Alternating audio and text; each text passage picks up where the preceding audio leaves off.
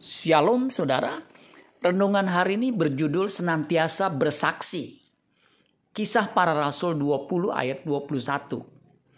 Aku senantiasa bersaksi kepada orang-orang Yahudi dan orang-orang Yunani supaya mereka bertobat kepada Allah dan percaya kepada Tuhan kita Yesus Kristus. Paulus mengatakan bahwa ia senantiasa bersaksi kepada siapa saja yang ia jumpai. Bersaksi sudah menjadi gaya hidupnya, sehingga ia senantiasa melakukannya. Tujuan ia bersaksi adalah supaya orang lain bertobat dan percaya kepada Tuhan Yesus Kristus.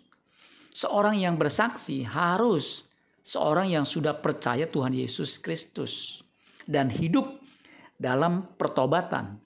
Baru kesaksiannya efektif ia bisa merepresentasikan dan merefleksikan Kristus. Ketika orang mendengarkannya, mereka akan berkata, "Orang sebaik dia tidak mungkin menyembah Allah yang salah. Pasti Allah yang disembahnya adalah Allah yang benar." Kesaksian seperti inilah yang memuliakan Allah, sehingga orang lain termotivasi untuk mempercayai apa yang kita percayai. Amin buat firman Tuhan. Tuhan Yesus memberkati. Sola Gracia.